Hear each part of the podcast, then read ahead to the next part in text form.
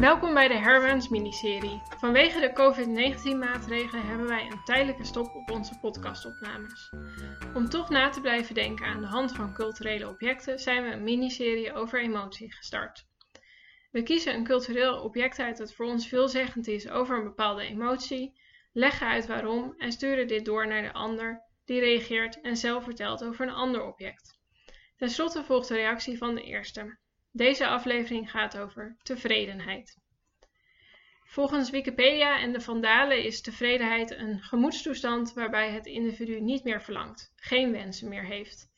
Het Engelse woord voor tevredenheid is contentment, wat je ook kan terugvinden in de beetje Vlaamse zin ik ben content.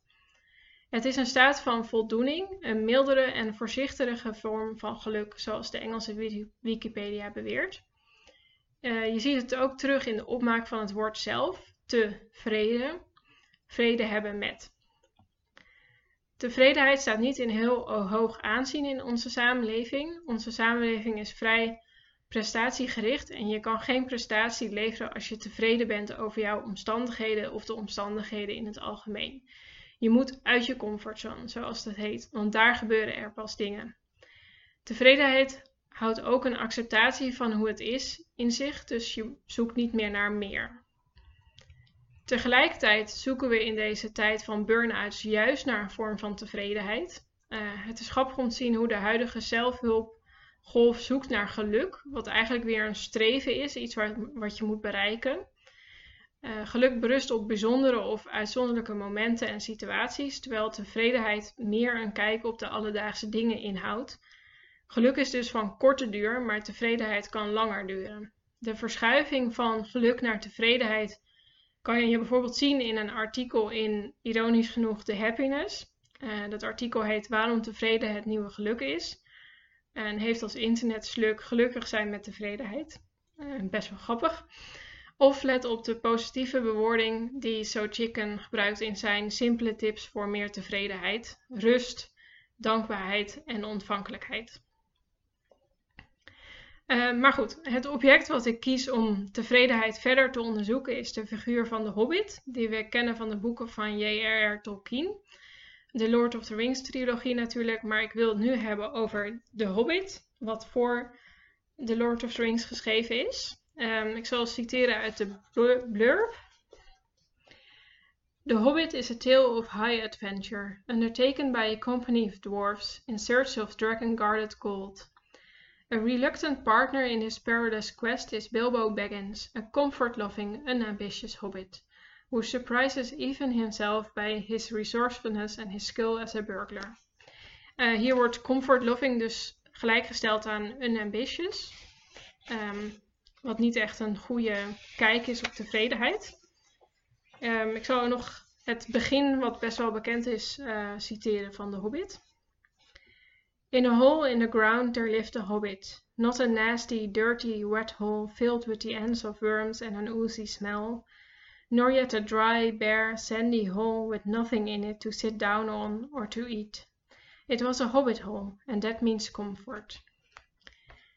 Um, je kan het vergelijken met de openingsscène uit de film, waar ze deze laatste zin hebben veranderd in and that means good food, a warm hearth and all the comforts of home. Um, dat somt de beschrijving van het Hobbithuis en ook van tevredenheid best wel goed uh, op, denk ik. Tolkien's omschrijving van het huis daarna is ook huiselijk met uh, eten. Je kent natuurlijk het uh, breakfast, second breakfast, wat heel bekend is geworden door de films. Um, tijdens de reis verlangt Bilbo ook heel erg veel terug naar lekker eten, een comfortabele stoel. Uh, kortom, tevredenheid is hier de dagelijkse huiselijke geneugde. Als Bilbo Gandalf voor het eerst ontmoet, dan zegt hij ook: Good morning, said Bilbo, and he meant it. The sun was shining and the grass was very green. Ik denk dat dat um, typisch tevredenheid is. In het boek wordt dit afgezet tegenover het avontuur, waar het boek natuurlijk over gaat. Um, en er wordt gezegd dat hobbits denken dat de Bagginses, dus de familie waar Bilbo tot behoort, heel erg respectabel is. Um, because they never had any adventures or did anything unexpected. Uh, Bilbo zegt ook tegen Gandalf: We are plain, quiet folk and have no use for adventures, nasty, disturbing, uncomfortable things. Um, maar Bilbo gaat natuurlijk wel op avontuur. Hij gaat met de dwergen de schat van de draak stelen. En in het boek Real Artists Don't Starve van Jeff Goins staat een anekdote over hoe Tolkien vastzat na het schrijven van The Hobbit. Hij was verveeld en dacht klaar te zijn met de Hobbits. En dan uh, zegt zijn vriend C.S. Lewis, die we natuurlijk ook kennen. The problem is that hobbits are only interesting when they are in unhobbit-like situations. Dus als hobbit-like een tevreden leven zonder oncomfortabele dingen is, dan is het niet interessant. Um, als Bilbo terug thuis is na zijn avontuur, dan is zijn reputatie als hobbit zonder die oncomfortabele avonturen natuurlijk weg. Maar, en ik citeer, he was quite content, and the sound of the kettle on his hearth was ever more musical than it had been even in the quiet days before the unexpected party. Uh, en het stuk gaat verder. His swords he hung over the mantelpiece. His coat of mail was arranged on a stand in the hall, in the hall until he lent it to a museum. Um, in Bilbo heb je twee kanten. De Bagginses, dus zijn vaderskant, die respectabele, tevreden hobbits zijn. En de Toeks van zijn moederkant, moederskant, uh, waarover gezegd wordt It was often said in other families that long ago one of the Took ancestors must have taken a fairy wife. That was, of course, absurd, but certainly there was still something not entirely hobbit-like about them. And once in a while members of the Took clan would go and have adventures. Uh, Tolkien maakt dus bewust een tweedeling in Bilbo tussen de Baggins, die tevreden is met zijn dagelijkse huiselijke leventje, en de Took, die op avontuur wil. Uh, en aan het eind van het boek wordt ook letterlijk gezegd dat Bilbo moe is van het avontuur en zijn Baggins kant het weer overneemt van de Toek-kant. Uh, oftewel, er is een wisselwerking tussen tevredenheid en het avontuur of uit je comfortzone gaan. Alleen tevreden zijn en verder niks maakt je een comfort-loving, unambitious hobbit. En alleen avontuur of in de termen van de huidige samenleving alleen prestatiedrang of streven is uh, vermoeiend, zoals Bilbo ook aan het einde van zijn reis is. Uh, de vraag is wanneer kan je dan de vruchten plukken van het werk wat je geleverd hebt. Dus af en toe een verhaal, of af en toe een avontuur beleven maakt je tevredenheid daarna dieper. Het geluid van de ketel was muzikaler dan voor het avontuur. En Bilbo incorporeert ook de herinneringen van zijn avontuur in de huiselijkheid van zijn Hobbit Hole. Zijn zwaard en de maliënkolder krijgen een plek als souvenir. Als je dus kijkt naar de figuur van de Hobbit, dan zou je zeggen dat tevredenheid een staat is waar je naar kan terugkeren. Het is een huiselijke omgeving waar de zon schijnt, het gras groen is en het theepot opstaat. Um, tevredenheid is dus het rustpunt tussen de avonturen van je leven in. Nou Wessel, ik ben benieuwd wat je voor reactie hierop hebt. Dankjewel Merel voor je verhaal over de Hobbit. Um, die tweedeling tussen de Took en de Baggins als uh, onderdeel tussen tevreden en avontuurlijk deed me eigenlijk meteen denken aan uh, Robert Louis Stevenson's verhaal The Strange Case of Dr. Jekyll and Mr. Hyde. Uh, waarbij er ook een soort split zit tussen de, de man die zichzelf wil uh, beter en puurder wil maken door een stuk uit zichzelf te halen, wat alleen maar lui is en instant gratification wil en zo. Um, hoewel ik niet denk dat de hobbits net zo schizofreen zijn als Dr. Jekyll en Mr. Hyde. Um, wat ik ook nog interessant vond aan het verhaal is dat um, Tolkien zelf ook wist dat uh, hobbits eigenlijk heel saai zijn als ze niets doen, als ze alleen maar doen wat ze zelf willen doen. En dat een schrijver er dus eigenlijk voor moet kiezen om ze in een avontuur te storten. Uh, ik heb de Hobbit niet gelezen, dus ik weet niet hoe dat zit, maar uh, het lijkt erop dat uh, hobbits in een avontuur gestort worden en daar niet bewust voor kiezen. Dus die avontuurzin die, die misschien Bilbo Baggins wel heeft, die, die, die, is bij de andere hobbits niet aanwezig. en daarmee zitten we eigenlijk meteen op een soort tweedeling dus tussen die tevredenheid en niets willen of niets hoeven, niets hoeven te veranderen, zoals jij het ook zei. Of wel iets willen veranderen en iets willen bereiken en iets willen beleven. Uh, en in, in, mijn eigen uh, leven denk ik daar vaak over na uh, als tevredenheid tegenover ambitie in plaats van avontuur. Een avontuur zou namelijk iets kunnen zijn wat je overkomt, wat gebeurt en daar reageer je op. Terwijl een ambitie is iets wat je wil bereiken of wil doen of zou willen dat waar wordt. Um, en ik wil daarover praten aan de hand van Galapagos van Kurt Vonnegut. Um, dit verhaal stelt namelijk dat mensen nooit tevreden kunnen zijn, eigenlijk.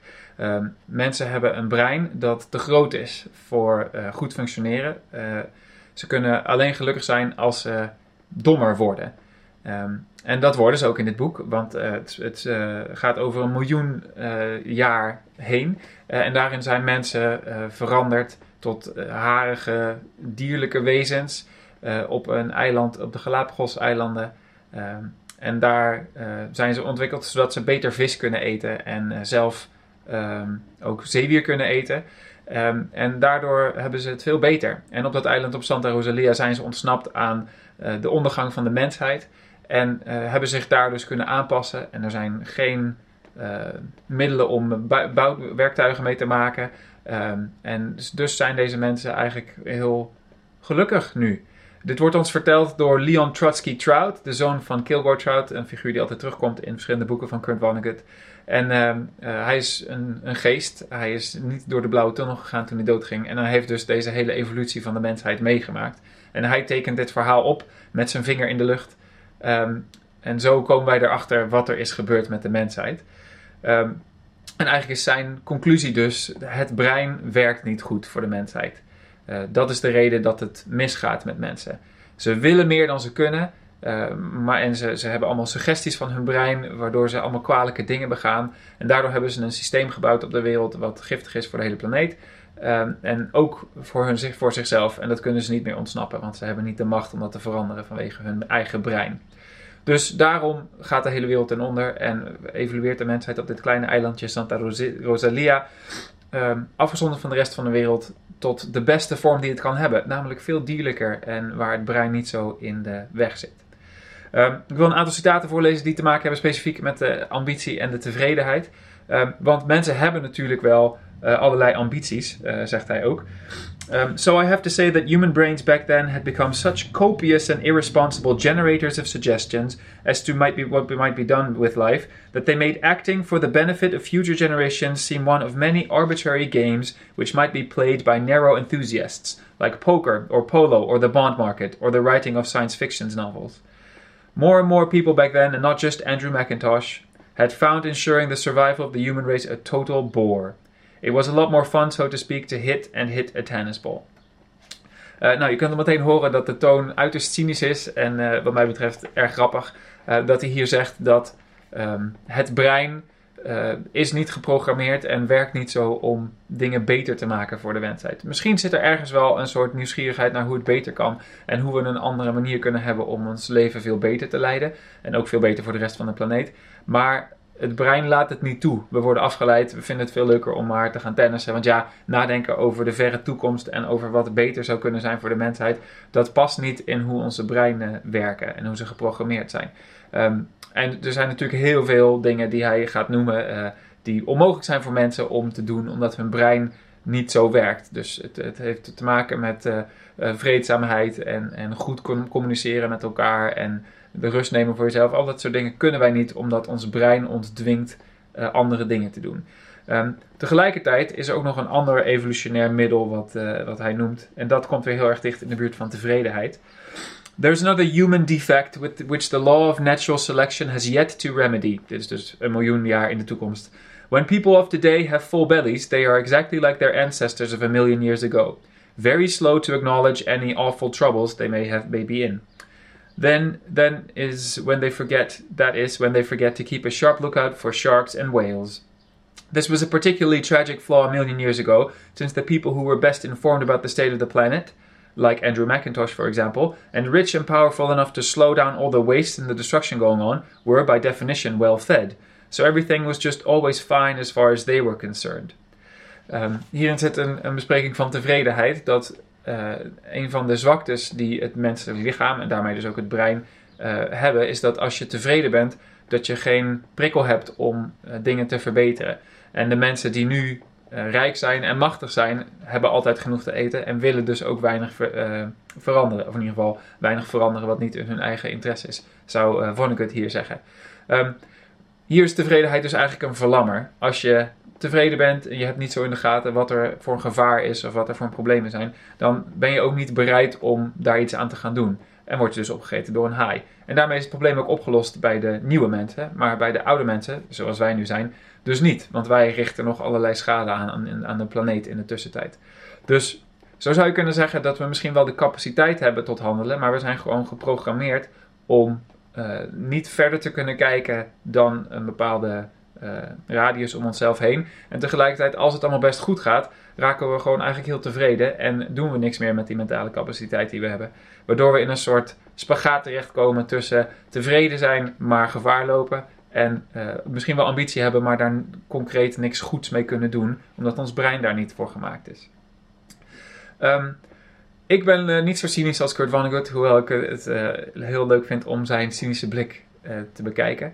maar hij heeft het ook over een paar andere dingen die het brein ons laat doen. En een daarvan is nieuwsgierigheid. Um, en hoewel hij in dit voorbeeld uh, het niet hoog op heeft met wat daaruit komt, denk ik dat dat anders kan. Um, what her big brain certainly wasn't going to tell her was that if she came up with an idea for a novel experiment which had a chance of working, her big brain would make her life a hell until she had actually performed that experiment. That, in my opinion, was the most diabolical aspect of those old time big brains. They would tell their owners, in effect, here's a crazy thing we could actually do, probably, but we would never do it, of course. It's just fun to think about.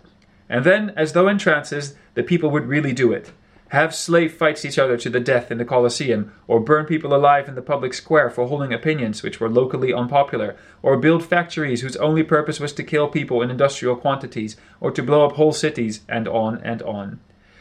Nou is het typisch voor Vonnegut en zijn, zijn mensbeeld dat hij hier meteen alle grote rampen uh, opnoemt. En uh, natuurlijk is het ook zo dat het brein en, en de mensheid dit soort ideeën genereert. Um, tegelijkertijd denk ik dat hij hier ook uh, aangeeft wat er allemaal wel mogelijk is. Als mensen een idee in hun hoofd krijgen voor hoe het beter zou kunnen gaan, of hoe ze iets kunnen ontdekken omdat ze een, een soort experiment hebben, dan gaan ze daarnaar op zoek. En als, het, als we niet het lijstje nemen met de, de meest vreselijke dingen die de mensheid heeft bereikt, maar het lijstje met mooie dingen die de mensheid heeft bereikt, dan is dat denk ik uh, het tegenovergestelde van die tevredenheid. Er komt een prikkel binnen in je hoofd en daar wil je iets mee. Uh, en ik denk dat dat uh, een unieke menselijke eigenschap is. Um, die, komt, die kan de, de vorm krijgen van spel of van onderzoeken of van wetenschap of van uitwisselen. En zo zijn er allemaal dingen op reis gaan of op avontuur gaan. zo zijn er allemaal dingen die een, een, natuurlijke vorm van ambitie zijn. En dat die dus juist naar buiten komen uh, als je misschien volledig tevreden bent. En uh, je wordt dan dus als mens aangespoord tot het ontdekken van die mooie dingen. En dan zou ik zelfontwikkeling en nieuwe technologie en ook nieuwe manieren om uh, met elkaar, met de natuur om te gaan, eigenlijk allemaal als voorbeelden noemen van bepaalde ambities die in je brein naar boven komen. En ik zou dus zeggen dat de menselijke uh, staat is dus nog steeds die spagaat. Um, je kunt tevreden zijn en, en achteroverleunen en dat is heel prettig. En tegelijkertijd denk ik ook dat het, de mens geprogrammeerd is om altijd een prikkel te hebben om iets te gaan doen en iets te willen. Uh, en in de moderne samenleving kunnen we dat misschien eerder vertalen naar je wil een carrière maken of je wil iets belangrijks bereiken of je wil beroemd worden of zoiets. Um, zo heb je bepaalde uh, prikkels die je wil bereiken. En uh, mensen laveren heen en weer tussen de tevredenheid en achteroverleunen en ambitie hebben en daar iets mee willen. En omdat je dus tegelijkertijd, wat jij ook zei, heel nooit kunt bereiken wat je allemaal wilt. En nooit helemaal tevreden kunt zijn met wat je hebt. Uh, ja, zou je bijna kunnen zeggen dat ons brein ons ongelukkig maakt in die zin. Ook zoals Van al zegt. Omdat je de hele tijd heen en weer gaat tussen die twee dingen.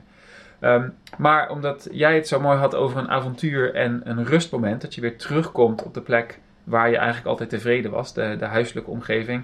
Ik denk niet dat het natuurlijk per se huiselijk hoeft te zijn. Maar iets waar je tevreden mee kunt zijn ehm, zou ik zeggen dat tevredenheid ook de rust is waar je thuis komt, zoals jij zei. Um, maar daaraan toevoegen dat dat de plek is of de stand van zijn is waarin je oplaadt voor je volgende avontuur of je volgende prikkel. Uh, het kan dan dus een avontuur worden of een inspanning, een ontwikkeling. Um, en in ons eigen leven zal het minder vaak zijn dat we op zoek gaan naar de one ring to rule them all. Maar het kan natuurlijk wel zijn dat je een tijdje tevreden bent met hoe het gaat en dan weer iets nieuws gaat proberen. Uh, een soort mini-avontuur. En dat hoeft niet per se te lukken. Uh, je geeft gehoor aan de prikkel en daarna kan je weer terugzakken, hopelijk in tevredenheid en zien um, wat er allemaal mooi is aan wat je in de tussentijd hebt geleerd en hebt bereikt. Um, helaas worstel ik zelf ook nogal met dat heen en weer gaan tussen uh, tevredenheid en ambitie. Dus misschien heb je nog wat tips voor me, Merel. Ja, dankjewel. Uh, om te beginnen met de vraag die jij stelde: worden hobby's in een avontuur gestort waar ze niet bewust voor kiezen? Het klopt dat hobby's van nature niet echt een innerlijke prikkel kennen om uit hun tevredenheid te raken. Uh, Bilbo wordt in de Hobbit ook vrij letterlijk overvallen door de dwergen waarmee hij op avontuur gaat. Hij weet niet dat Gandalf zijn deur magisch heeft gemarkeerd met burglar wants a job, plenty of excitement and reasonable reward. Maar Bilbo ontvangt wel degelijk prikkels die hem aanzetten toch mee te gaan op avontuur. Gedurende de avond dat de dwergen en Gandalf in zijn huis zijn, geven ze hem net genoeg hints dat zijn interesse gewekt is. En uh, Gandalf weet, weet, dat uiteraard heel goed en die doet dat ook bewust. Um, dus hoewel Bilbo wel degelijk in het avontuur wordt gestort, reageert hij ook op zijn eigen onbewuste ambitie om een keer uit zijn comfortzone te stappen.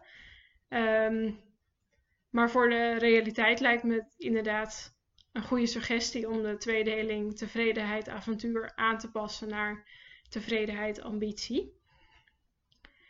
Um, wat ik interessant vind aan jouw Galapagos voorbeeld is dat Vonnegut in zijn boek dus stelt dat als je tevreden bent, je geen behoefte hebt om iets te verbeteren.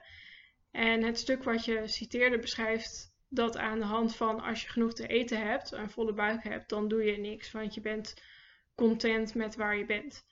Uh, dus zowel in de Hobbit als in Galapagos wordt tevredenheid in verband gesteld met eten, met genoeg eten te hebben.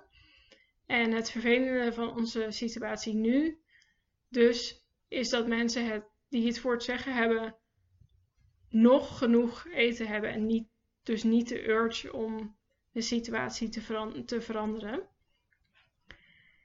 Um, ik denk dat het terecht is dat je opmerkt dat het verband wat, wat in Galapagos wordt gemaakt moet worden omgedraaid. Het is niet je bent tevreden, dus er komt geen prikkel binnen. Uh, je bent tevreden, dus de tevredenheid weerhoudt je ervan dat er iets binnenkomt. En dus doe je niks. Um, het is eerder, je bent tevreden, maar er komt een prikkel binnen je, en dan wil je er dus iets mee.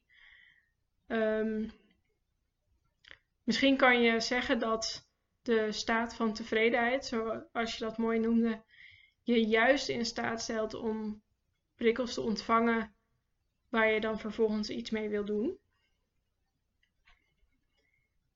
Um, je zegt dat tevredenheid en ambitie zich nog steeds in een spagaat, een heen en weer bevinden.